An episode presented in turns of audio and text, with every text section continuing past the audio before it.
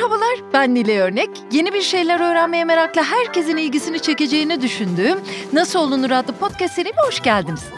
Bu seride mikrofonu mesleklerini ustalıkla icra ettiğini düşündüğüm insanlara yöneltip onlara aynı soruyu soruyorum. Nasıl olunur? Bu bölümde konum meyhanesiz bir meyhaneci. Mesleklerini birazdan anlatacağım, sayacağım. Ordulu, çok tatlı bir insan Enis Ayar. Hoş geldin Enis abi. Güzel kızım. Hoş bulduk. Enis abiyi anlat anlat bitiremem. Ordu'nun bir yerel kahramanı zaten. Kenan Doğulu sohbetimizin sonunda neşesiz bir insanın yapacağı devrimde çok da yokum ben demişim. Çok insan bana böyle geri dönüş yaptı. İşte o neşeli devrim arayan insan Enis abidir. Anlatacağım size. Kimdir o? Şimdi Karadeniz sahil yolunun Ordu'da sahilden geçmeyişinden sorumludur. Vosvos şenliklerini yapmıştır, Yason Kilisesi'nin temizlenip kurtarılmasından, Kurul Kayalıklarında Kibele heykelinin bulunmasına, Ordu'ya ait pek çok güzellikte o ve arkadaşlarının payı var. Ordu Fikir Bandosu'nun bir üyesi. Böyle anlatıyorum hakkında da bir kitap var ve o kadar güzel bir kitap ki Enis Ayar'la Nehir Söyleşi Nur Özkan yapmış. Sen 25. yüzyılda yaşıyorsun kitabın ismi. Ağaç Kakan yayınlarından. Çok da güzel.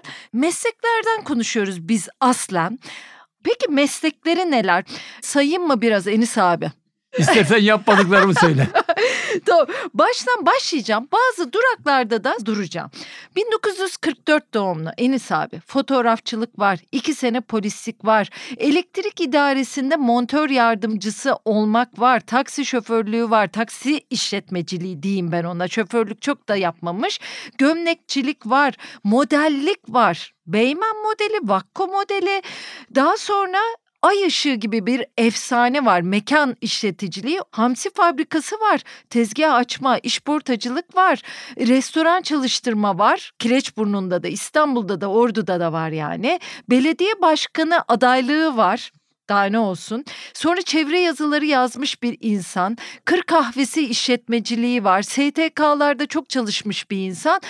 Yani çevreci, eylemci, çok tatlı bir insan ve herkese bu kitabı okumalarını öneririm. Ama biz baştan başlayalım Gürcülük var.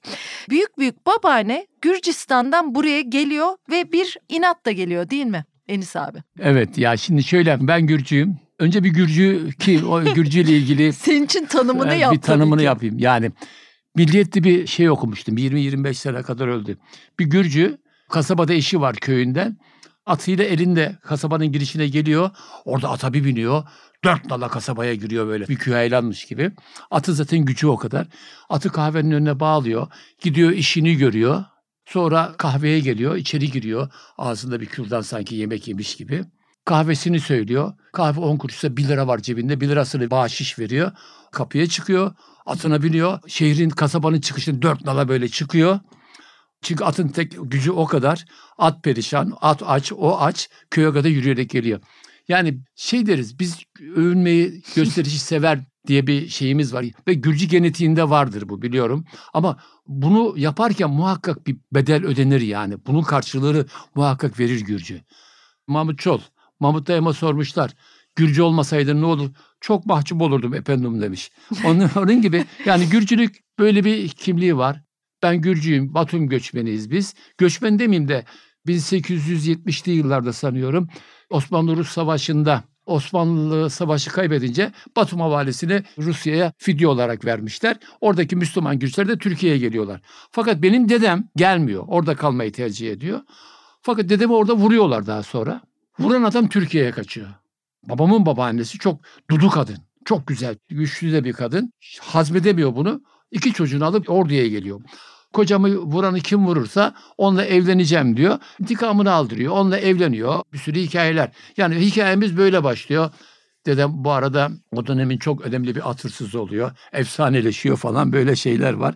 Ama sonra dediğim gibi kendine bir düzen kurmuş, evlenmiş, çoluk çocuk sahibi olmuş, askere gitmiş, şehit olmuş. Böyle bir aileden geldim yani. Dedim işte 1944'te orduda doğdum. Ben doğduğumda babam hapishanede katipti. Şimdi çok güzel bir galeri oldu o hapishane Emin Öztürk'ün sayesinde. Evet ressam Ha, Emir evet, Öztürk. Orası güzel. şu anda bir kilise. Zaten kiliseden galiba Evet. hapishane yapmışlar. kiliseden Orası hapishane, cezaevi evet. olarak kullanılmış değil mi? Evet. Taşbaşı Kilisesi. Evet, Taşbaşı Kilisesi cezaevi kullan. Benim çocukluğum onun içinde. Hapishaneye çok rahat giderdim. Orada işte çünkü çocuk diye seviyorlardı falan filan. Ya şimdi çocuklarımızı bir sokağa koy veremiyoruz. O gün hapishaneye giriyordum ben. Çünkü bir eşraf kültürü vardı. Bak benim en çok vurgulamak istediğim bir şey var. Eşraf. Hmm. O zamanlar şehirde eşraf vardı. Yani şehrin sahibi belediye başkanı yahut vali değildir. Şehrin sahibi eşraftır. Bu kültür vardı. Eski ordu büyüklerini düşündüğüm zaman şimdi öyle bir şey yok. Şimdi para kazanan insanlar var. Eşraflık olayı bitti. Bütün sorunumuz burada zaten. Sonra işte orada babam öldü. 13 Rahmet- yaşındasın sen. Ben de tabii. 13 yaşındayım. Bir de şey okuyamazdım yani. Üç erkek kardeş Üç en erkek büyük de kardeş. sensin En, değil en mi? büyük benim. Sorumluluk biraz annenle sana kalıyor değil Ya mi zaten bütün suç annemde. Hmm. Ya bir kadın düşün 80 küsür yaşında İstanbul'da Ordu'da köyde başlayıp İstanbul'da Tiler'de hayatını bitirdi.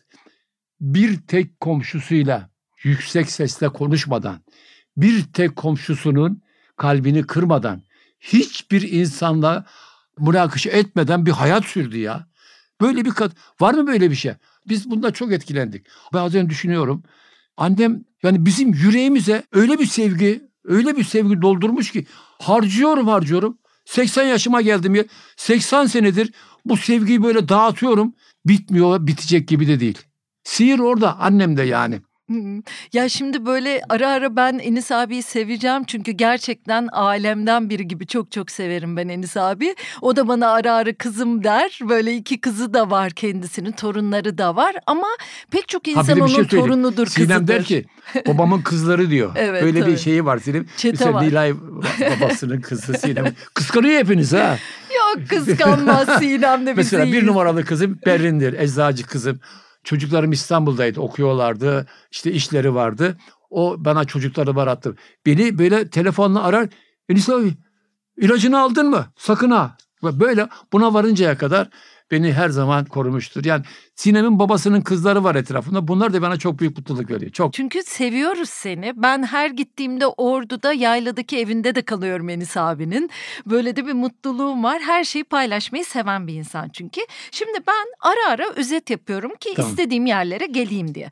Bu fotoğrafçılık meselesi aslında biraz çıraklık gibi. Evet. Çünkü harçlığını çıkarmak istiyor. Bu arada işte okula gidip geliyor. Okuyamıyor. Okuyamadıktan sonra da okulu bıraktıktan sonra da fotoğrafçıda çalışıyor Enis abi. Sonra İstanbul'a gelmek istiyor. Büyük şehire gelmesi gerekiyor büyük bir iş için ve polislik öyle başlıyor. Aslında garanti iş diye. Tabii. Yani silah taşımak istemiyor, üniforma merakı yok. Ama polislik deneyimi olan ve aslında o kültürle hiç alakası olmayan bugün bakınca bir insan. Çok güzel özetliyorsun kitapta sana Nur sorunca bunu. Enis abi bir kere daha öyle anlatsana. O dönem nasıl polis oldun? Yani diyorsun ya Anadolu'dan gelen bir insanı böyle eline silah veriyorlar. Eğitim yok. Şehri bilmiyorsun ve polis yapı veriyorlar diyorsun orada. Bak benim çocukluğum güzel geçti yani. Öyle sefillik falan çekmedim şükür Allah'a. Memur çocuğu olduğumuz için. Çok lüks değildi. Ama güzel bir çocukluğum. Küçücük evlerde oturduk. Yazın köylere gittik falan. Fındık Ama bahçemiz bir fındık var küçük. Ama İstanbul'a gelip çalışmam lazımdı. Yani orada benim daha hayatımı sürdürmem, iki kardeşimle, annemle onların eğitimini sağlamam mümkün değil. Bunu görüyorsun yani. Polis olarak İstanbul'a geldim. 1967 senesinin Mart'ın sonunda. Bana hemen işte hüviyetimi verdiler. Polis hüviyetini hemen cebime koydum. Düşünebiliyor musun? Silah verdiler. Düşünüyorum da daha hiçbir eğitim falan yok. Böyle silah verdiler ve polis oldum. Tabii çok acı şeyler yaşadım esasında polislikte. Enteresan anılarında var. Var. Rahmetli Vedat Demircioğlu'nun öldüğü gece Vedat Demircioğlu Türkiye'deki öğrenci olaylarının da başlangıcı kabul Ve ilk edilen şeydi. İTÜ'deki olayların ilk şeydi. ilk şeydi, evet. şeydi. Daha sonra arkadaşlarıyla falan da konuştum. Çok özel bir çocuk olduğunu söylemişlerdi. O gece Vedat'ın öldüğü gece ben oradaydım. Yani İTÜ'deydim. Onu anlatmak isterim ya. Yani şöyle sivil ağızdan o gecenin orada olanlardan dinlendi ama yolun karşısındaki polis tarafından bu hiç daha gündeme gelmedi. Anlatmak istiyorum. Düşün polis olmuşuz bir sene geçmiş bu olayları yaşıyoruz yani. Tam 68'deydi. Ben eve gidiyordum. Yani biz biz o zaman 7 11 11 3 11 bir 3 5 falan nöbetler var.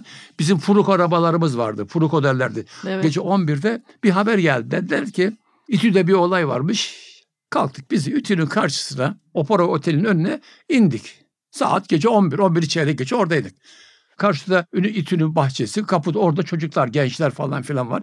Bir kalabalık orada. Biz 150 polisle buradayız. İşte saat 12 oldu, yarım oldu. 1'e doğru gidiyoruz. Ama habire sinirler gelişiyor. Bu arada Faruk Sukan İçişleri Bakanı, Süleyman Demirel Başbakan, yanımızda tabii amirlerimiz var. Onların telsizlerde bütün konuşmaları duyuyor. Süleyman Demirel oradan soruyor buradan. Kimse işin içinden çıkamıyor. Ne olduğunu bilmiyor. Kimse bir şey bilmiyor. Organize yok. Var ama başkaları. Biz bilmiyoruz. Bir de biz kimiz? Anadolu'da askerliğini yapmış, onbaşı olmuş yahut ilk ortaokul mezunu müracaatını yapmış. Bakmışlar boyu posu yerinde polis yapmışlar. Bir silah, bir elbise, bir hüviyet. Yani böyle bir ortamdan gelmiş 150-200 tane adamız orada. Düşünebiliyor musun? Hı hı. Bir ara sinirler çok gerildi. Söylemekten her zaman rahatsız olduğum bir şey var. Çok büyük tahrikler başladı karşı taraftan polis arkadaşlarımıza. Diyorlar ki oradan yani ben bunları diyenleri ne bir talebe ne bir yani muhakkak bir örgütlü bir şey diye düşünüyorum hala. Siz burada diyor bekleyin bizle uğraşın. Amerikalı diyor ananın karının yanında sabahleyin gider diyor harçlığını alırsın diyor. İş artık buraya kadar geldi. Bu arada saat biri geçti, bir buçuğa doğru geldi. Dediğim gibi arkadaşlar Anadolu'dan gelmiş. Anadolu'da bir kahveye polis girdi, milleti ayağa kalktı ortadan gelmiş. Bir adama düşün, arkadaşlarımıza söylenen, bana söyleneni düşün. Arkadaşlar bellerine sarılıp dediler ki tamam ateş edecekler karşı karşı. Bizde de Osmanlı Turası diye çok güçlü silahlar var. Yani bir şey söyleyeyim mi? Eğer o gece biz birbirimizin elinde silahı almasaydık, birbirimizi ikna etmeseydik, durun çocuklar bizi tahrik ediyorlar gibi falan arkadaşlar çok büyük bir katliam olurdu. Ve polis katliamı olacaktı bu. Hangimiz bilmiyorum ilk ne yapıyorsunuz dedi. Ben mi dedim o mu dedi. Bunu mühim değil. Daha sonra ne oldu biliyor musun? Biz oradan bir koptuk. İTÜ'nün barikatları vardı. Onlar yıkıldı. Biz mi yıktık? Onlar mı indirdiler? Biz üniversiteye daldık. Daldık bahçeye. Yukarıdan molotof kokteylleri atılmaya başladı. Bak düşünebiliyor musun? Yani peki ne zaman oldu bu iş? Kim orada molotof kokteyllerini hazırladı? Biz içeri girer girmez beklediler. Bahçede kimse yok. Bu sefer bizim çocuklar, biz arkadaşlar yurda daldık. Yurtta uyuyan çocukları yahut da orada kapan birini alıp geliyor getirip arabaya koyuyor falan. Oturdum ben İTÜ'nün bahçesinde o postane vardı. Postanenin önünde bir güzel oturdum ağladım. O çocuklara biz hatta gittik zeytin ekmek aldık getirdik yedirdik falan arkadaşlar. Çok şanssız bir gece 4-5 kişinin bir sivili, taşıyanlar da mı sivildi o kadar hatırlamıyorum çünkü 55 sene geçti aradan. Ellerine kollarına tutup götürdüklerini görmüştüm. Sanıyorum Vedat o çocuktu. Vedat'a attı dediler. Doğrudur. Atmışlardır. Vedat kendi düşmüştür. O ayrı bir muamma. Ne olduğunu bir gün tarih muhakkak yazacaktır. Çünkü muhakkak her şeyin bir notu düşünüyor. Yani dediler ki pencereden attı dediler. Belki de doğrudur bilemiyorum. Ama o rahmetli çocuk, annesinin kuzusu çocuğu işte o, o gece orada katlettiler diyelim. Çünkü katlettiler yani. Bu anımı da polislik mesleğinde ama bir de şey anlatayım da bu acının üzerine şey bitsin ya. Tabii Polislikte. bu arada Polislik güzel şeyler de oldu ya. niye bunu anlattığını ben bildiğim için onu toparlayacağım. Çünkü iki sene polislik yapıyorsun. Senin için garanti bir iş. Ordudan gelmişsin şehirde iki erkek kardeşine annene bakacaksın. Onları buraya getirmişsin. Ama görüyorsun ki silah taşımak zorundasın. Pek çok eğitimsiz. Sen de eğitimsiz olduğunu söylüyorsun. Tabii hani canım. şehir hakkında böyle bir düzen hakkında. Ve o düzensizlik hani sen o günü anlatırken ben uzun anlatımını da okudum. Daha önce de dinledim. Mesela diyorsun ki ya polisle o kışkırtan ekibin karşı karşıya gelmesi bile o kadar kötü bir düzen ki biz Tabii. 100 metre aşağıda olsak Tabii. Bambaşka bir hiç- düzen olacak. Yani hani biz konuşuruz ya halka halka kırdırmak, Evet. gençleri gençleri kırdırmak. Tam öyle bir şeyi anlatıyorsun aslında. Tabii tabii. Ondan sonra da zaten uzun süre silah taşımıyorsun. O kadar taşımak istemiyorsun ki silah bir yerlerde unutuyorsun. Tabii tabii tabii. Dayanamayıp o olaylardan sonra da polisi bırakıyorsun. Evet. Ama bir papa olayın var değil mi? Evet Kum ya. kapıya mı kiliseye geliyor Ya şimdi papa. daha çok yakınımızda Kumkapı'da bir kilise vardı. Hadi dediler oraya gidiyoruz. Papa yani şimdiki böyle güvenlik bodyguardlar falan filan filan yok. Gittik kiliseye. Ben de boylu postu tabii. Gerçi hemen hemen çoğu boylu postu ama bana denk geldi. Bir baktım kilisenin içinde Papa'nın sağındayım. Yanımda da bir çocuk. Papa ikimizin arasında. Papa konuşmasını yaptı. Dışarı çıkacak. 6. Paul 1967 bak. Papa kiliseden dışarı çıkacak. Hücum etti millet. Yani nefesini koklamak, işte eteğine elini sürmek. Yani sevgi gösterinde bulunmak için. Adamcağız çıkamıyor. Çıkması lazım. Harbiye'de bir programı var oraya gitmesi lazım. Dedim ki "Ay, yanımda arkadaş. Oğlum dedim sen dedim şöyle bir öne bir geç dedim. Onu papanın önüne aldım. Ben papayı arkadan kucakladım böyle. Kucağıma aldım. Holdur, holdur, holdur tamam. Milleti yardık çıktık dışarı kiliseden. Papayı götürdüm. Siyah bir Cadillac araba vardı kapıda onu hatırlıyorum. Oraya oturtturdum. Fotoğrafın var mı? Yok abi? ya Yoktur. yok. Ya böyle bir şey muhakkak vardır bir yerde bir fotoğraf. Ya patikhaneye gücü yeten şeye papalığa olan biri var şu fotoğrafı bulursa milletler kalır. Sonra sen işi bırakıyorsun ve elektrik idaresinde montör yardımcısı Evet. oluyorsun. O ne demek biraz onu anlat. Bir de köfte diye bir kavram var değil mi? Hatta köfte Recep diye bir adam bile evet var. ya benim ustam. Ya köfte şu. Yani rüşvet demeyelim de bahşiş rüşvet. Tamam. Onun da elektrik idaresi ismi köfte koymuşlar. En ustası da benim ustam Köfte Recep. Adama öyle lakap takmışlar. Silahları ağdan kavağa kadar ayağımı basmadığım yer kalmadı. Elektrik idaresinden işte gidiyorsun bu evin yahut da fabrika elektrik tesisatı doğru mu yanlış mı? Bakıyorsun eğer ustan imzalarsa orası elektrik alabiliyor. İmzalamasa alamıyor. İş o yani. Ben de polisliği bıraktım. Bilmem ne yaptım. Ustamın çırağıyım ve çantasını taşıyorum. Yani. Gittiğimiz yerde açıyorum çantayı. Evrakları çıkarıyor falan. Büyük karar vericisiniz değil mi Tabii, siz? tabii, Hatta tabii. böyle arsalar alan varmış. Zamanının tabii, Tabii, İstanbul'u tabii, boş tabii. o yıllarda. Tabii tabii tabii. göre. Yani biz çok önemli bir insanlık. Mesela işte ustam Kağıthane'de oturuyor. Kendi evi var. Oğlum evin barkın yok. Gel şuradan Çağlayan'dan, Ok Meydan'dan sana bir yer çevirelim. O zaman ağalar vardı. Oraları parselleyip satan onlar. Tapu mapı yok. Gidiyorsun bir anlaşma yapıyorsun. Tamam diyor sen şurayı çevir evini yap. Evini yapıyorsun. Ama o evde oturman lazım. Ben dedim yok. İlk evimi Levent'te tuttum. Polisken bile 100 liraya. Ondan sonra sonra Mecidiyeköy'e taşındık. Mecidiyeköy'den yine Etiler'e taşındım. Bunu vurgulamak isterim. Şimdi benim Ok Meydanı'nda belki de 5 katlı bir apartmanım olurdu. Ama çocuklarım da herhalde 18'i göremezdi gibi geliyor bana. Evlenirlerdi. Onlar da çoluk çocuk sahibi olurdu. Lütfen beni yanlış anlamayın. Bu bir sistem. Olayların gidişatı. Belki de annemin o bizi yetiştirme tarzı hep gerçeği aradım. Yani doğru yaşam tarzını aradığım için istemedim orada. Semtin de sizi doğru yönlendirdiğini Tabii, düşünüyorsun değil tabii, mi? Öyle tabii. anlıyorum. Levent'te kendime çok iyi bir çevre edindim. 67 senesinde. Ak Merkezi karşı kocaman bir gökdelen. Onun olduğu yerde kahvemiz vardı, sinemamız vardı, yazı sinema vardı falan. Oradan çok şey öğrendim. Çok şey öğrendim. Bu arada sen hep değişik işlerde deniyorsun. Yani elektrik idaresinde 11 yıl çalışırken Tercüman gazetesine başvuruyorsun. Senin böyle bir otomobil kazanma hikayelerin var değil mi? Ya Kızı tabii. evlendirecekken. O zaman 690 Gima'dan. 690 lira taksitle sıraya giriyorsun. Ya 5 sene sonra ya ilk gün. Bana ilk 6 ayda araba çıktı mesela. 74 senesinde 74 model bir Murat 124 aldım. Müthiş bir arabaydı. Onu taksicilik Tabii için onu taksi. kullanıyorsun. Ama bir taraftan da bir gömlekçin var. Ya Ortağınla şimdi tabii birlikte şöyle değil mi? söyleyeyim. Göynek. Levent'te Memduh Cevahir. Öyle birisi daha gelmedi. Vakko'nun danışmanlığı falan da yaptı Memduh. Bir anahtar attı önüme. Ben dedi Beyoğlu'nda Parmak Kapı Sokağı'nda bir yer tuttum dedi. Başlıyoruz dedi bana. Böyle gömlekçiliğe başladık. Ben bu arada elektrik idaresinde çalışıyorum. Gece kulübünde çalışıyorum. Para yetmiyor. Geceleri de çalışıyorsun. Tabii, tabii. Çocukların ikisi doğmuş. Hem Sinem hem Serra. Elektrik idaresinde çalışıyorum. Of. Gece kulübünde çalışıyorum. Bir de gömlekçiliğe başladık. Tamam mı? Şey bak çok faydasını gördüm. Aradan biraz zaman geçti. Makine falan almamız lazım. Kulüpte tabii yani şimdi ben modül kulüpte çalışıyorum. Şimdiki divan ötenin altında. Yani şu andaki bütün İstanbul'daki gece hayatını topla. Hepsinin birleştiği bir nokta olarak düşün. Kervansaray. Kervansaray'a bağlı. Çok güzel işler yaptık. Ama ne Memduh ticaretten anlıyor ne ben ticaretten anlıyorum. Üretiyoruz satamıyoruz. Satsak paranın peşine düşemiyoruz. Öyle bir şeyimiz yok yani.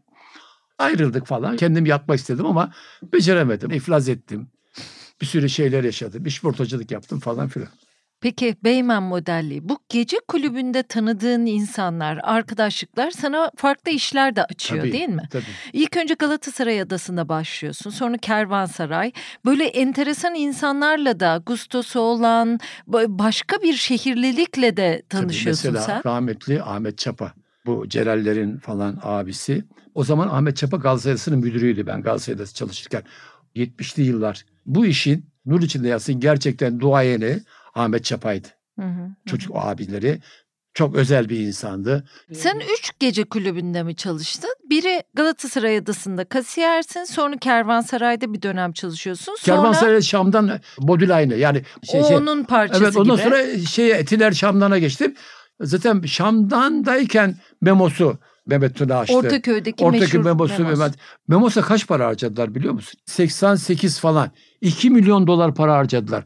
Müthiş bir yer yaptılar yani. Çok da güzel iş yaptılar ama kendimi hep tanımışımdır. Yani Şam'da da genel koordinatörlük yapıyordum. Oranın da genel koordinatör. Ama sığamıyorum. Aslında üstümdeki yük beni aşıyor. Yani benim kültürüm, benim yetişmem, lisan bilmiyorsun. Benim bir tek şeyim var. Görüntüm süper. Ben Çok tatlısın ya. ama gerçeği söylüyorum yani. Memos'un bir açılışı var. Müthiş yani bütün İstanbul orada. İpek bir siyah elbise almışım. Hala duruyor. Bir ayakkabı aldım. Gucci, kravatlar bilmem ne. Benim salona bir girişim var. Sanki Mekan senin. belki mekan benim gibi. Ama içim boş. Estağfurullah Ya ama doğru kızım. Eğitimin yerini hiçbir şey alamaz. Bir elbiseyle, bir parayla, bir bilmem neyle bilginin ve eğitimin açığını kapatamaz. Ama bana Tanrı bir yetenek verdi. Ben onun farkına vardım. Yetenek dediğin nedir? Kendini tanımak, becerilerin ne olduğunu öğrenmek. Hı hı. İnsanın kendini tanıması kadar önemli bir şey yok. Neler yapabileceğini bilmek kadar, neleri yapamayacağını bilmek kadar, ne istediğini bilmek kadar önemli bir şey yok. Ben bir ara şey dedim, acaba ben embesil miyim falan dedim ya. Hiçbir düzen ayak uyduramıyorum. Uyduramıyorum ya. Yani para için herhangi bir şey yapamıyorum. Ama hayatım hep para için çalıştım. Para için paraya ayak uyduramıyorsun. Çok tatlı. Hayatımda hiç param olmadı. Hı. Şimdi eskiden hep şeydi, hiç 5 bin liram olmadı derdim. Olmadı. Ama şu anda bile dünyanın en zengin insanıyım. Hiçbirinde bendeki huzur, bendeki rahatlık, bendeki vatan sevgisi, çocuk sevgisi, dost sevgisi, Çevre çevrime, çev çevre için yapacağım hiçbir şey yok zaten. Çünkü beni o doyuruyor. Daha ne olacak ya? Ne olabilir yani? Ya şöyle Ama Gülcü palavra sattım değil mi şimdi? Böyle çok. Şöyle iki not almışım zaten ben de Nur anlatımlarından Enis abi. Diyorsun ki bir, Türkiye'nin en önemli kulüplerinde çalışıyordum. Çok mesafe almıştım 35 yaşımda. Beni gören bir şey zannediyor ama içimde noksanlıklar var. Bunu hissediyorum. Bir alıntı daha yapayım. Evleneceğim güne kadar benim kendi yatağım yoktu. Eve girdiğimde akşam hangi yatakta yatacağımı bilmiyordum kalabalıktan. Boş bir yatak bulup uyuyordum. Böyle bir ortamda büyüdüm. Şikayet için söylemiyorum. Bunu anlatmak için söylüyorum diyorsun. Mesela burada sana bakınca anlıyorum. Sen hep böyle insanları çok izlemişsin. E, şeyi de anlatıyorsun işte kulüpler kendin orduda bir mekan açınca oranın farkı. E, diyorsun ki bu çapalar mesela başka bir kültürle gelmişler. Nişantaşı çocuğu onlar. O kültürü bilerek o mekanları öyle yapabiliyorlar. Bende o yoktu diyorsun ama sende de belki de onların hemen görüp sevdiği şey şu. Çok içtensin, çok doğalsın, acayip güzel iletişim Güvenilirim. kuruyorsun. Çok güvenilirsin, sevgi Doğru. dolusun. Bunlar hemen bulunabilir meziyetler değil. Çok yakışıklı, çok hoşsun. Bugün de hep öylesindir. Bir o modellik işine girelim oraya gitmeden önce. Çünkü gece kulübünde sana geliyorlar diyorlar ki Beymen'in bir reklam filminde oynar mısın değil mi? Senin Evet, öyle şöyle- Vakko'yla bir ilişkin oluyor Tabii sonra. şöyle oldu. İşte kulüpte çalışıyorum hep dedi. Deha diye bir çocuk vardı. Beni aldı. Gittik Kilyos'a. Bana şunu yapacağım, bunu yapacağım falan filan hiçbir şey demiyor. Gittik bir kumsala, bir çölmüş gibi. Bana ajans. Yani o da hakikaten işi çok ciddiye alan bir kurummuş. Sonra onu başka ajanslarla falan da çalıştım. Böyle bir kasaba gibi bir yer. Bak gözler falan. Benim bak göz Georgi diye Türkiye'deki imparatoru diye. Vatan daha sonra da Efsaneydi dostu. canım şimdi ne yapıyor bilmiyorum da Evet, George daha makyajcı. George, o falan filan. İşte beni giyindirdiler, giyindiler. Bir baktım yanımda bir Türkiye güzeli. Partilerim oymuş. Dediler ki sen burada duracaksın. Şimdi oradan develer gelecek. Deveye otostop yapacaksın dediler. Becerebildiğim kadar yaptım. Fakat en güzeli ne biliyor musun? Bana bir zarf verdiler. Bin lira var içinde. Ben ayda 1500 liraya çalışıyorum o zaman. Bin lira düşünebiliyor musun? bir günde. Bir günde. Böyle başladı. Sonra Vakko'nun kursu senin için sen. Vakko'nun ilk sertifikalı modelisin. Evet yani. Çok bir nasıl olunur olduğu için burada da anlat isterim. Ya şöyle oldu. Bir ilanda falan Vakko'nun fotomodellik ve satış danışmanlığı kursu. Gittim. Dediler ki geçmiş artık senden iş bu yaşta. Bir şey öğrenmek için size geldim. Lütfen dedim. Kursa gidiyorum yaş ortalaması 20. Aralarında 35 yaşında bir herif. İki ay elektrik saat çalışıyorum. Gömlekçilik yapıyorum. Bir de her gün kursa gidiyorum 2 saat, 3 saat. Hocalarımız kim? Yıldız Kenter, rahmetli Halis Kıvanç, Ersin Alok. Yani zaten benim buraya gidişim noksanlarımı tamamlamak içindi. Çok faydasını gördüm. Çok güzel şeyler söylüyorsun. Ben orada medeniyet öğrendim Tabii. diye. Mesela Halit Kıvanç iyi bir arşivci olmamızı öneriyordu diyorsun. çok. Haber dinleyin diyordu. Yıldız Kenter'i ciddiye alıyorsun çünkü o işini ciddiye alıyor. Özal'ın seçim kampanyasında fotomodellik Evet. yapmışsın mesela. O ilginç geldi bana. Aslında işte fotomodel ya da manken olmak değil bir şeyler öğrenmek için gidiyorsun.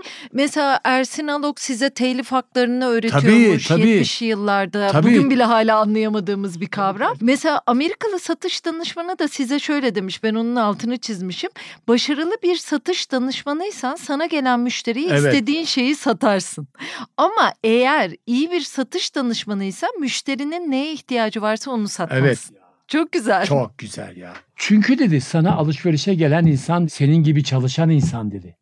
Ona ihtiyacı olan şeyi vereceksin dedi kadıncağız. Ve sonra Ordu'ya dönüyorsun. Ay Işığı restoranın ilkini açıyorsun. Biraz anlatsanız. Ordu'ya gittim. Bir düğün salonu vardı şehir merkezinde. Kiraladım belediyeden. Ayşe diye bir restoran açtım. Ayşe diye bir restoran açtım ama aşçıyı bizim kervansaraydan getirdim. İstanbul'dan şefleri getirdim. Salonu halı döşettim. Karadeniz'de böyle bir mekan yok yani böyle bir şey. Bir de piyano aldım İstanbul'dan. Onu orduya götürmem bilmem. Hepsi hepsi için bir Macera. film çevirilir valla. Piyano koydum ama piyanoyu çalacak kimse yok. Sonra ben iflas ettim her zamanki gibi. Sonra ben döndüm geldim İstanbul'a işte falan. O işte maddi olarak batıyorsun. İstanbul'a İstanbul'a dönüyorsun. Kamuran Hanım zaten kızlar İstanbul'dalar İstanbul'da. okuyorlar. Orada başka işler de yapıyorsun. Hamsili pilav satıyorsun. Onun fabrikasını kuruyorsun. Ondan sonra Başaramadım. Başaramadım. başaramadım. Tezgah açıyorsun. İşportacılık yapıyorsun. Hayatımda en güzel parayı o zaman kazandım. en keyifli iş. Bittik yani. Kızlar kolejde okuyorlar. Daha büyüdüler. İki sanayi alıp da bir tanesini geri bıraktığım hale geldik. Yok bitti. Ama Çelik'ten bir abide bir eşim var. Evde direkt evin Soracağım. yıkılmıyor ev yani. Evet, tamam mı? Kamuran O hiçbir şeyin ne bana ne çocuklara bir yıkılmıyor ev yani. Böyle bir şey. O arada Şişli'de o zaman ihracat fazlalı satanlar vardı. Bizim çocuklar vardı. Gittim oradan 20 tane lakas aldım. Getirdim Etiler'de evimin sokağında kardeşim fotoğrafçı dükkanı var. Onun önünde a, baktım bir saate satıldı sokakta. Gittim bir 20 tane daha aldım. Sonra bir baktım böyle dev bir tezgahım olmuş. Arabada aldım. Güzel bir hayatımız da oldu. Tamam mı? Uzun sürede yapmışsın aslında o Yaptım işi değil mi? yaptım. Yani Hmm. 3-4 sene yaptım. Sonra işte Kireçburnu'nda bir restoran Evet. çalıştırıyorsun. Tuzda balık yapıyorsun. Evet. Aşçılığın da o kadar değil mi? Bir tek onu bir yumurta kırarım bir de tuzla balığı şöyle oldu. Bir arkadaş dedi ki ya bu İspanya dedi tuzla balık yapıyorlarmış falan filan dedi. Ben üretkenimdir yani böyle bir şeyleri yer. Ve ben onu bir ben yapıyordum. Bir de o zaman karşıda e, böyle bir aristokrat bir ailenin çocuğu güzel bir yer açmış ama o bakır kaplar içine yerleştiriyor falan Hmm. filan. Ben daha ziyade natürel balığı tepsiye yatırıyorum, tuzluyorum falan filan böyle şey yapıyordum. Ama şeyle dikiyordum.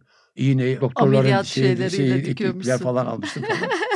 Sonra işte Ortaköy'de dönemin meşhur memosu işletiyorsun ve ikinci ay ışığı dönemi. evet. Bundan bahsetmek lazım. Ay ışığı denince Ordu'da özellikle bir dönemin insanları için çok acayip bir yer değil mi? Yani Hala. bir timsal çok farklı bir yer. Hala 16 yıl işletiliyor, çok ünlü insanlar geliyor, müzik yapılıyor. Pek çok insanın orada anısı var. tabii, Tarkan dahil. Tarkan ay, orası bir kültür oluşturuyor. İçinde sinema salonu da var. Engelliler için bir giriş var.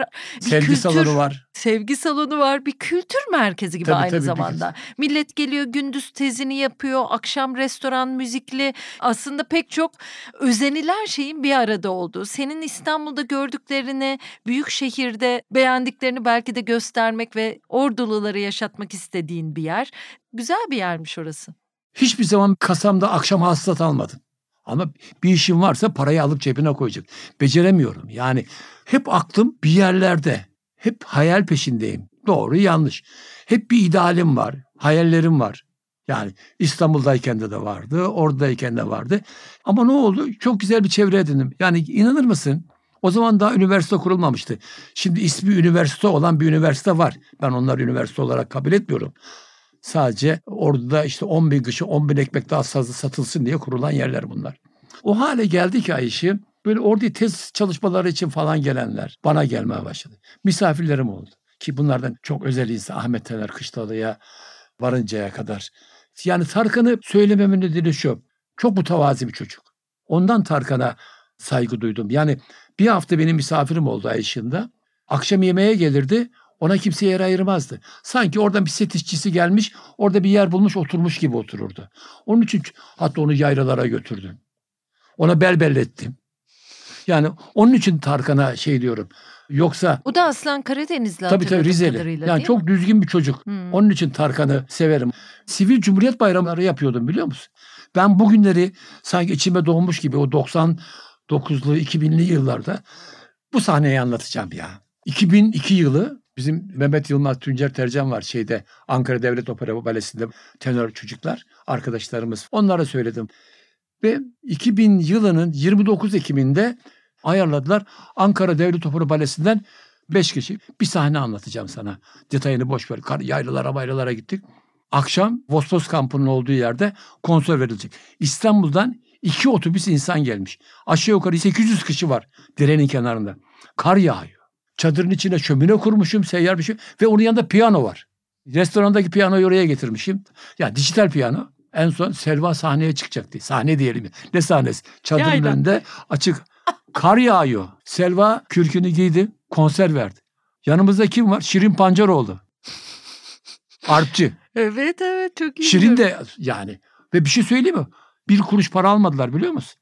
Tarifi yok onun. Yani Enes abi senin hangi işinde para var? Yani herkes... bak bir şey söyleyeceğim sana. Herkes dondu biliyor musun? Dondu millet. Senin hayatında yaylalar, konserler, acayip sanatçılar, yaylada konser mi verir bu insanlar dediğimiz pek çok insan var aslında değil mi? Çeşitli Ya, vesilelerle. Şimdi Ya Vosvos şenlikleri var. şenliğinde Moğolları anlatayım sana. Moğollarla bir kere onu ilk önce söyleyeyim. Tanışman senin bir de belediye başkanlığı Tabii, adaylığın tabii, var. Tabii. CHP'den aslında aday Adaylık. olacakken ÖDP adayı oluyorsun ve Moğollarla ilgili anlattığın hikaye o kadar bizi temsil ediyor ki çok güzel. Sen o aracılıkla tanışıyorsun Moğollar geliyorlar konser veriyorlar ama millet karşı kaldırımdan izliyor. Evet ya. Ya şimdi düşünebiliyor musun? Yani Çünkü bana komünistler Moğolları. Moğolları tabii bizim ben, şimdi ben Moğollar ve bedava konser. Bu milleti çok bedel ödemesi lazım. Çok ödeyeceğiz de. Ya orada deniz kenarında bedava konser var.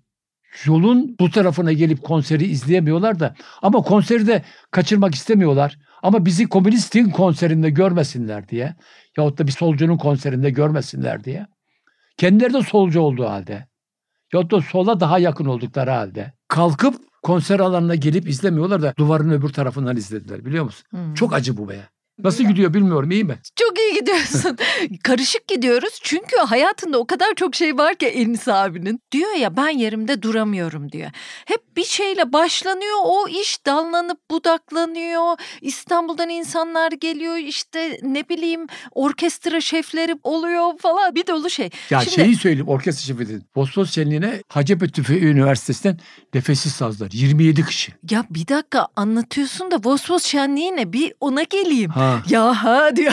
Herkes biliyor gibi. Vosvos şenliği Türkiye'de pek çok insanın bildiği bir şey. Hele Vosvosçuların çok bildiği bir şey. Enis abinin bir Vosvos'u var. Vosvos'tan limuzin yaptırıyor. O da ayrı bir hikaye. Yani Evet. her şey hikayelidir Enis abinin.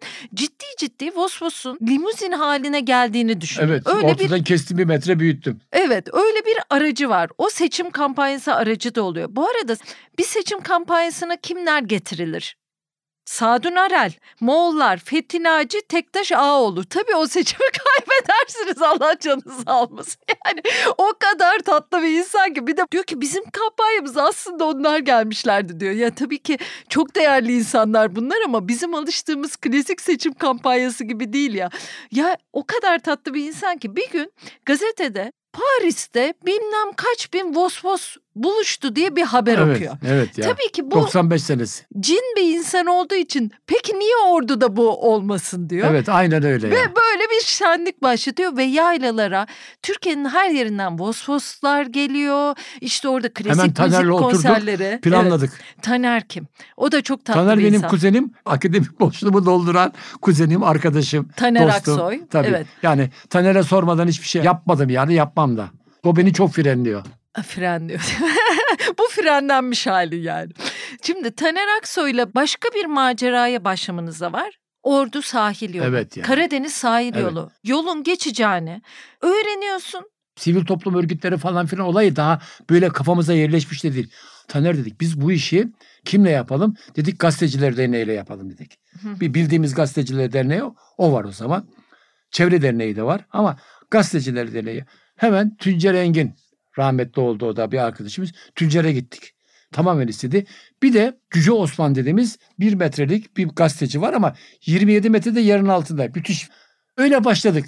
Kendimize çok iyi bir öncü ekip oluşturduk. Rahmetli Alayettin abi, Alayettin Benal, orman işletmeden emekli. Onun e- şeyinde güzel bir ekiple bütün şehirdeki siyasi kurumları, sivil toplum örgütlerinin, okulları, siyasette hiç ayrım ya sağcıymış, solcuymuş, faşistmiş bilmem neymiş. Kesinlikle hiçbir ayrım yapmadan bu bir ordu meselesidir deyip herkesi dolaştık. Alayettin abi önümüzde. Biz hep beraber gidiyoruz. O gerekeni anlatıyor. Oradan çıkıyoruz. Başka randevu alıyoruz. Gidiyoruz. Hastane başhekimleri olsun, bir şey olsun, okullar olsun. Hep böyle dolaştık. 40 bin tane el ilanı dağıttık. Yani siz Taner Aksoy bir akademisyen, Tuncer Ergin Karadeniz 52 Evet. gazetesinin sahibi ve orada Gazeteciler Derneği'nin başkanı. İşte Osman- Osman, Bey. Böyle. Ondan sonra böyle Büyüdünüz. bu kar topu gibi büyüdük. Evet Tema Vakfı da çok Ta, yardımcı bak oluyor. şimdi Tema Çevre Derneği, Tema zaten içimizdeydi. Evet. Yani Nilgün, o bağlı Nilgün kızcağız. Gözükan. Tabii Nilgün çok, çok destek Onlar da verdi. ordulu zaten. Tabii, tabii, o Uğurcan arkadaşım. Ataoğlu'nun da Urcan- ablası. Çevre Derneği, Mürsel, diğer arkadaşlarımız falan. 10 bin kişi de bir yürüyüş yaptınız Evet, değil mi? 10 bin Ama neşeli bir Ya, yürüyüş. Yine Vosvos, Vosvos'u bir arkadaşımız 220'ye çevirdi. Onun üzerine piyano koyduk. Akyol bizim. Evlat merhaba. Akyol piyanonun başına geçti. Bilinçli olduğunu vurgulaman lazım bir iş yaparken. Böyle lüzumsuz yere gövde gösterisi değil. Akıllı olduğunu bildirmen lazım. Hı hı. Biz dedik ki bu işi bilinçli yapıyoruz. Bakın yolu tekini mecburen kapattık. Yolu kapatmıyoruz ama istersek kapatırız. Ve taşkınlık yapmıyoruz ama istersek yaparız. Karşı tarafa bu bilinci verdik. Sen çok ses çıkarmanın, çok bağırmanın o kadar faydası yok. Akıllı olduğunu göstermek mecburiyetindesin. Biz bunu yaptık işte diyorsun. 10 bin kişi büyük bir yürüyüş yapıyorsunuz. Hatta denizden de motorlar Tabii geliyor. ya. Neşeli, insanların çocuklarıyla katıldığı bir gösteri, Ya o kadar acemiyiz oluyor. ki. Şimdi bak ama tabii çok önemli şeyler var burada. Vali, halkın valisi yani tepedekinin valisi değil halkın valisi. Belediye başkanı sağcı olmasına rağmen çok güzel destek verdi. Emniyet müdürü. Emniyet müdürü benimle benimle var sahada yani şey sanki emniyet müdürü organizatör. Yani böyle zaten bugün yapamamanın nedeni o. O gün onlar destek verdiler bize. Sami Seçkin valimiz de. Emniyet müdürü bana dedi ki Enis dedi. Buyur müdürüm dedim. İzin aldınız mı dedi. Ne izin dedim. Ya dedi böyle bir yürüyüş yapıyorsunuz. Buraya binlerce insanı da izin. Yo ne yapacağız? Aylarca hazırlanıp yürüyüş için. Bilmiyoruz. ne yapacağız? Hemen oradan birini hemen dedi ki bir dilekçe yazalım. Bana dedi ki bak Enis kim imza atacak? Ben atacağım. Taner atacak. Enis dedi bak yani yarın dedi burada benim de önüne geçen bir olay olursa sizi ben de kurtaramam dedi. Dedim daha bunun ötesi yok.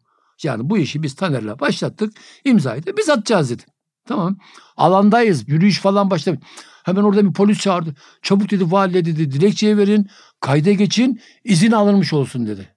Onu emniyet müdürü gönderdi. İzini öyle aldık yani. Dedim ya Hı hı. en büyük şansımız o günkü yönetimcilerdi. Biz tamam koşuyoruz ama eğer bir vali seni desteklemiyorsa, bir emniyet müdürü seni desteklemiyorsa, bir belediye başkanı seni desteklemiyorsa, sağcısı solcusu seni desteklemiyorsa bizim oradaki en büyük artımız buydu. Bir ordu meselesiydi bu.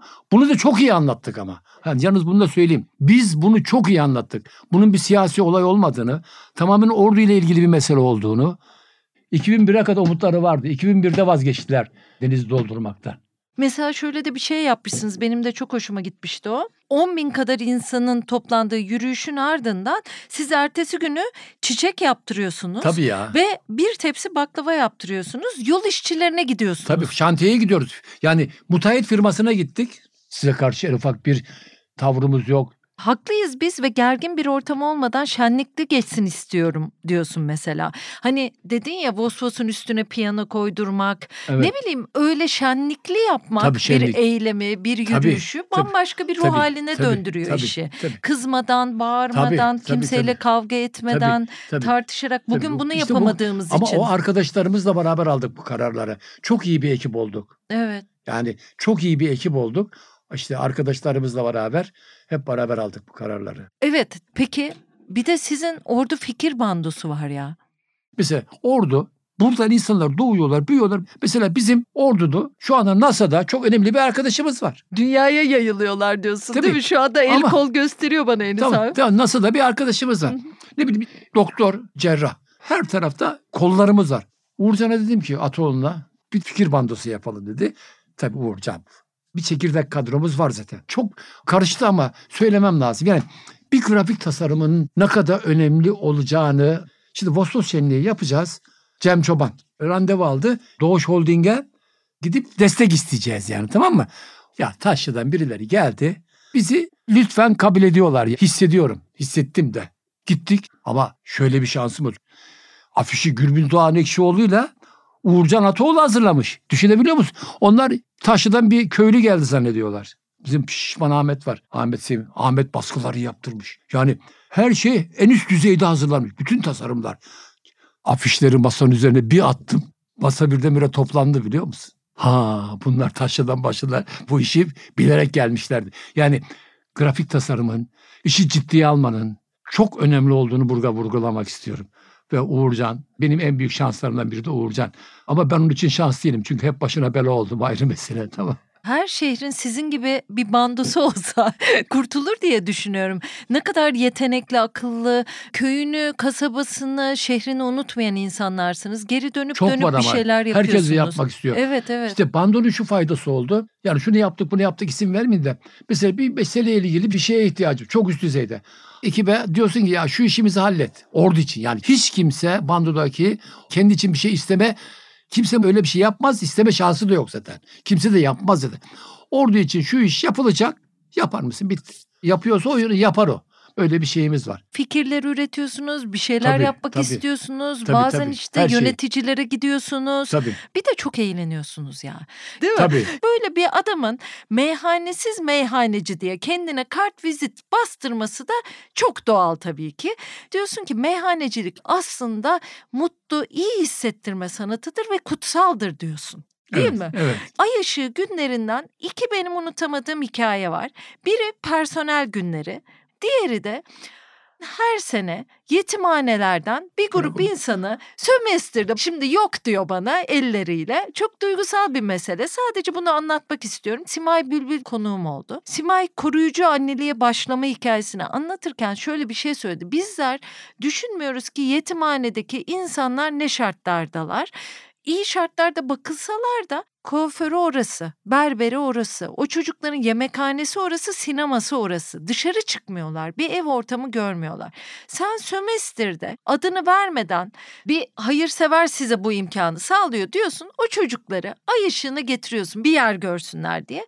Ay ışığı kapandığında bir çocuk geliyor. Keşke açık olsaydı biz zamanında buraya gelirdik bir hayırsever sayesinde. O kadar önemliydi ki bizim için diyor çocuk. O hayırsever aslında sensin. Mekana getiriyorsun. Çocuklara müziği de görsünler diye müzik çaldırıyorsun. Orada herkesin Evet. yediği Sağ yemeklerden olsun yediriyorsun. Yurdal abi arkadaşları gelip hep çalıyorlardı işte ekip. Ay şimdi de gözünden yaşlar iniyor Enis abinin ama bunu anlatmam gerekiyordu. Enis abi kendisi anlatmaz. İkinci hikayede personel geceleri. Sizler Sinem, Serra, Kamuran Hanım, sen garson oluyorsunuz, aşçı oluyorsunuz ve bütün personel eşleriyle birlikte geliyor, eğleniyor herkes. O sigara aldırmaya çok güldüm ya. Garsonluk da yapıyorsun da sana sigara da mı aldırdılar? Çağırdı beni evladım dedi bana bir paket sigara al gel dedi. E komi komi en küçüğü. Ay, çok ama, komik. Ama çok güzel. tatlı hikayeler. Peki bu kadar verici, bu kadar hareketli, insanları örgütleyen, eğlendiren, hadi birlikte eğlenelim, bir şeyler yapalım diyen karakter zor da bir karakter evi için Kamuran Hanım'dan bahsetmek lazım. 1969'dan beri evlisiniz. O nasıl biri? Senin Enis abi nasıl olunuruna katkısı nedir? Karşı durmak. Çok güzel. E tabii ne yapacak yani?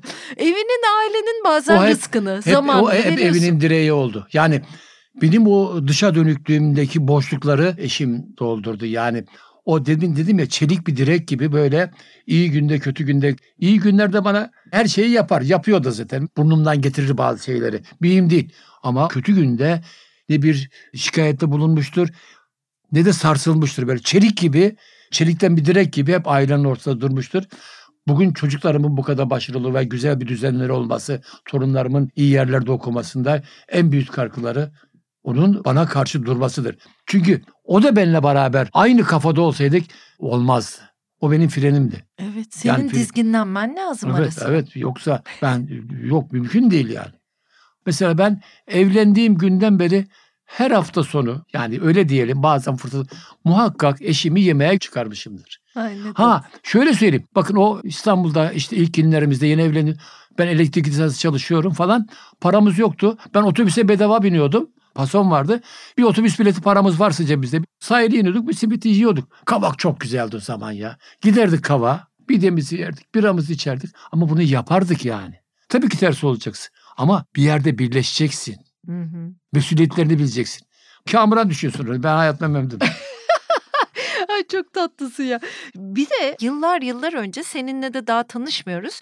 Ya sonu götürdüler beni Karadeniz'de arkadaşlarımız. Böyle Karadeniz'e iki senede bir mutlaka o yaylalara çıkıyoruz. Sizi tanımadan önce de giderdik. Ya sona ilk gittiğimde ben büyülendim Şok orada. değil mi? Büyülendim ve fındıklı bir tatlı yemiştim. O da aklımda kaldı. Hala fotoğrafları bile duruyor Instagram'ımda.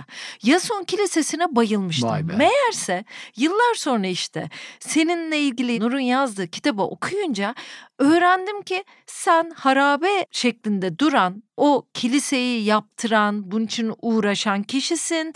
Ya utandım diyorsun. Anlatayım istersen. Anlat Şimdi ben lütfen. Küçük İrlanda diyelim. Böyle, böyle o filmlerde gördüğüm İrlanda'nın o şeyleri gibi falan müthiş bir yer. Neyse bu vesile oldu. Ben oraya bir kafa açtım. O zaman da Vali Kemal Yazıcıoğlu. Kilise nasıl biliyor musun? İçi definiciler tarafından kazılmış. Pislikler var. Yarısı yıkılmış. Çatının yarısı da yıkılmak üzere falan. Çok kötü bir durumda. İki tane otobüs geldi. Yunanistan'dan gelmiş. Din görevlileri. Geldiler. Hiçbir şey yokmuş. Normal kiliseymiş gibi. Kiliseye girdiler. Mumlarını yaktılar. Dualarını yaptılar gittiler. Beni Afaganlar bas görüyordum. Çok rahatsızdım ama bu bana bir şey oldu. Yazıcıoğlu'na gittim. Sayın Valim dedim ya. Buna bir çare bulalım. Tamam işte. İki günde kilisenin içi temizlendi. Çakıl döşendi. Etrafında pislikler kalktı. Bilmem ne oldu. O ne oldu? Pırıl pırıl bir ziyaret yerine. Dedim Sayın Valim kurtar burayı dedim. Tamam dedi. Ve orayı altı ayda bitirdi. Kurtardı. Vali diyeceğim de. Nelere kaldık ya? Geçen gün bir fotoğraf gördüm. Bir bakanın oğlu böyle oturuyor. Vali de karşısında el pençe divan duruyor. Çok üzücü şeyler bunlar. Ay bakan gelir otururdu. Kemal Yazıcıoğlu sonra gelirdi vali. Bakan ayağa kalkar. Sayın valim hoş geldin derdi. Halkın valisiydi bunlar ya. Bir vali bir bakanın oğlunun karşısında nasıl böyle üzücü şeyler. Ha Kemal Yazıcıoğlu müdafaa etmek de istemiyorum. Hatalarını kendi söylüyor zaten. Hatta bizim arkadaşlar Kemal Yazıcıoğlu orduya faşist olarak geldi, komünist olarak döndü derler yani. Neyse. Uğur Yücel'den Metin Akpınar'a, Tarkan'dan Metin Ahmet Tamer Kışıl'ya Evet. pek çok insanla aynı masada da oturmuşsun. Bir tek Müzeyyen Sener'le keşke otursaydım. Evet, işte o aklımda kaldı içmek diyorsun isterdim. değil mi? Evet. Onunla isterdim ama o denk gelmedi. Metin Akpınar müthiş bir herif ya. değil mi? O kadar dolu bir adam ki Metin Akpınar ışığı sevmez. Aydınlıkta içmez. Oturur karanlıkta. 10 saat, 20 saat dinle dinlersin. Ağzından çıkan tek kelime bile boş değil. Yani sünger gibi emiyorsun adamı ya. Sohbete başlardık. Mehmet Usta aydınlanır da var. Birkaç defa hava aydınlandı sohbet bitmedi. Bizim Etiler'deydi kışlık yerimiz. Buranın kapıları falan kapalı. Birkaç defa orada devam ettik. Onunla olan şeylerim bambaşka bir insan. Gece kitabı tekrar okurken kahkahalarla da güldüm. İKSV Woody Allen'ı getirecek ve klarnet çalacak. Ordulu bir takım insanlar diyorsunuz ki burada çok büyük bir klarnet ustası Evet var. ya. Klarnet rahmetli. imal ediyor. Evet. Yani diyorsunuz ki Woody Allen'a biz bir klarnet hediye Evet. edelim. Ben o hikayenin bir sitcom'da bölüm olmasını falan isterim. Ya şimdi şöyle Ahmet Özdemir 80 küsür yaşında öldü. 80 yaşına kadar hep köyde doğup köyde ölen bir insan. Yani hiç aterisini şehire indirmedi. Fotoğraflarını falan görsen şaşarsın ya. Neyse ben bu delinin Türkiye'ye geleceğini, klarnet çalacağını falan fazla uzatmayayım işi. Bir sürü şeyler yaşadık tabii. Sonra Ahmet abi dedim bir klarnete ihtiyacımız var dedim. Udelini tanıyor musun dedim yani. Bon Jovi'yi tanıyayım da dedi. Udelini tanımayayım dedi. Çünkü Bon Jovi'ye klarnet yapmış. Tamam mı? Yapamadık. Zaman yok. Öyle hemen patlayıcı klarnet olmuyor. Ankara'dan başkasına bir gidecek klarneti ayarladık.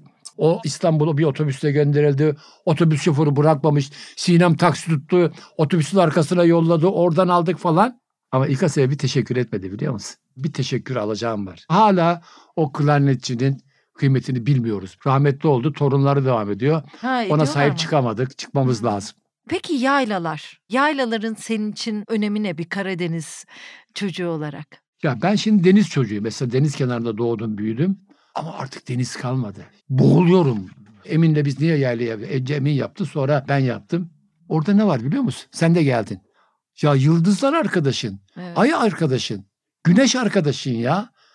Doğa arkadaşın. Bir tane seni rahatsız edecek ne bir ses, orada rakı içmek, orada sohbet etmek. Bir de tabii özel dostlarımız geliyor. Dilay Örnek geliyor mesela. Değil mi? Çok daha Sinan ne geliyor. olsun? Sinan geliyor. Yani Değil mi yani? Çok Her şey güzel. doğaçlama oluyor orada. Çok doğa tahribatı var. Çam başına bir yol yaptılar yeni. Neymiş? Turizm yolu yapıyorlar. Ben sana bir şey söyleyeyim mi? Ankara İstanbul yolu yapılırken Ordu'dan Çambaşı'na yapılan yol kadar doğa tahribatı yapılmamıştır biliyor musun? İnsanlığa güzel bir miras kalacak. Bu mirası yok edelim diye ekip oluşmuş. İnanır mısın? Son zamanlarda yolumu 20 kilometre uzatıp başka bir yoldan evime gidiyorum. Çünkü kalbim dayanmıyor bu yapılan katliama, bu yapılan ihanete. Yani sonunu söylemeyeyim belki ağzımdan kötü bir şey çıkar. Ya canım benim. Peki İstanbul'dan oraya yürümen var senin. Evet, 34 gün mü? evet 34 gün. Ya bin kilometre çöplükte yürüdüm biliyor musun? Çöpte yürüdüm ya. Herkes çöpünü sokaklara değil mi Sokaklara. ya? Deniz Evet. Karadeniz bakir bir yer yani bu arka yol Şile'den Karadeniz'e giden. Ya o koylarda ya şok oluyordum ya. Deniz kenarlarında sandıklar atmışlar, yataklar atmışlar, buzdolaplar atmışlar. Yani plastikler bilmem yol denizin şeyi insanın geçmediği yerlerde bile her taraf yol kenarları falan ona çok üzülmüştüm.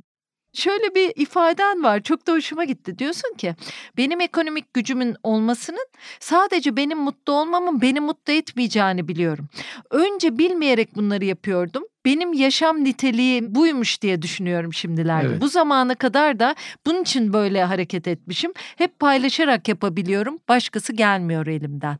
Şimdi benim iki torunum var ama ben bütün çocuklar benim torunum. Beni çocuk olayı kadar hassaslandıran yani en ufak bir çocuk şeyinde hemen gözlerim dolar ve ağlarım. Yani hiç şey yok. En Evet. ufak bir çocuk mağduriyetinde.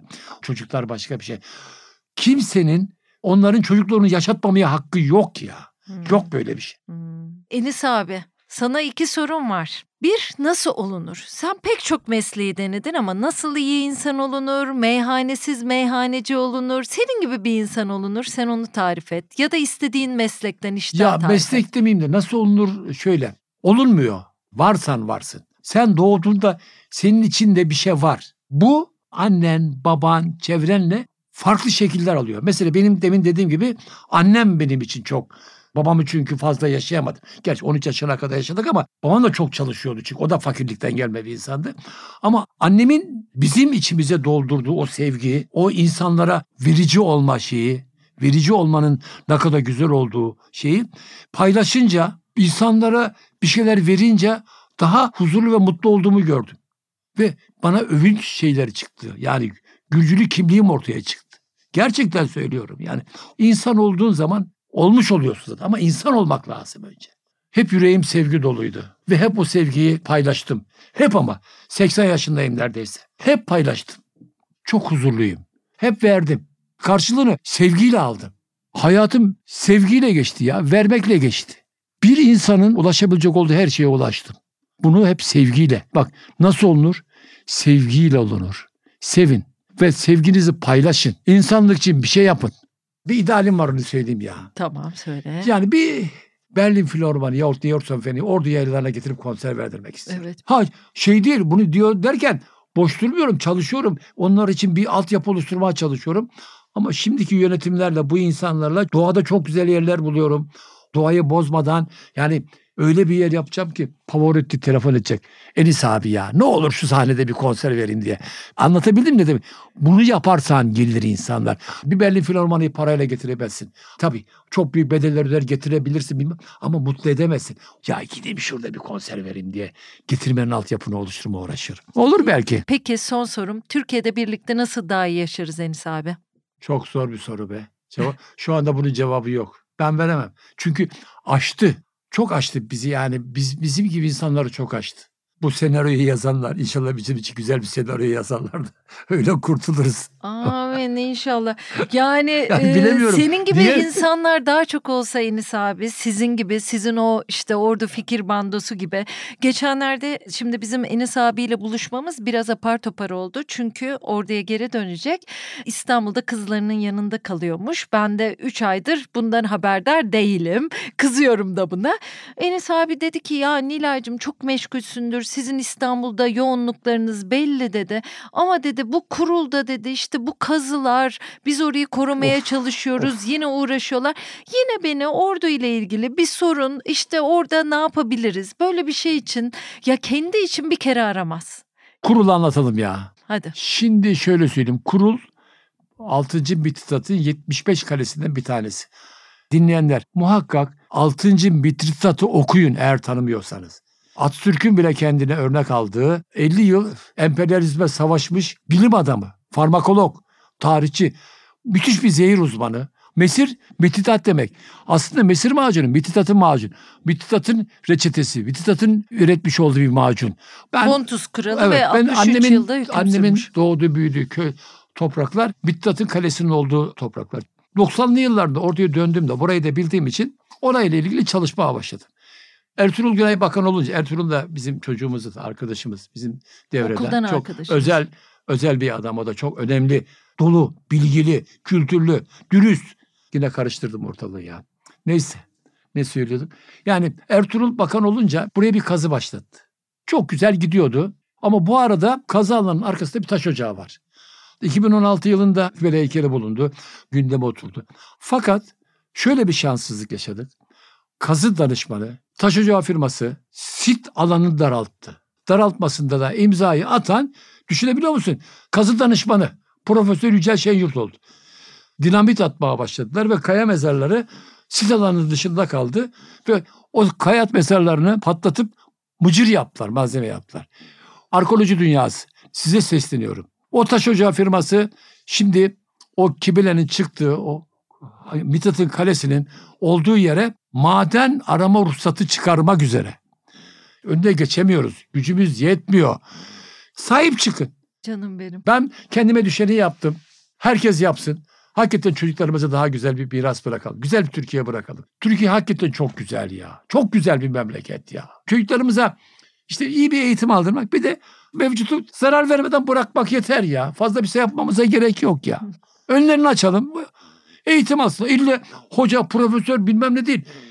Usta olsunlar, çırak olsunlar, berber olsunlar, marangoz olsunlar, hoca olsunlar. Onlara bize kalan mirası doğaya sahip çıkalım ya doğa. En büyük sorunumuz doğa. İyi ki geldin, iyi ki konuk oldun orduya dönmeden. Kız iyi ben ki de iyi ki gelmişim yani. Seni seviyorum. ben de seni sarılacağım yayından sonra. Çok uzun, güzel bir hikaye, çok macera var. Parça parça böyle anlatmaya çalıştık, örmeye çalıştık Enis abiyle birlikte. Umarım başarabilmişizdir. Çok sağ olun.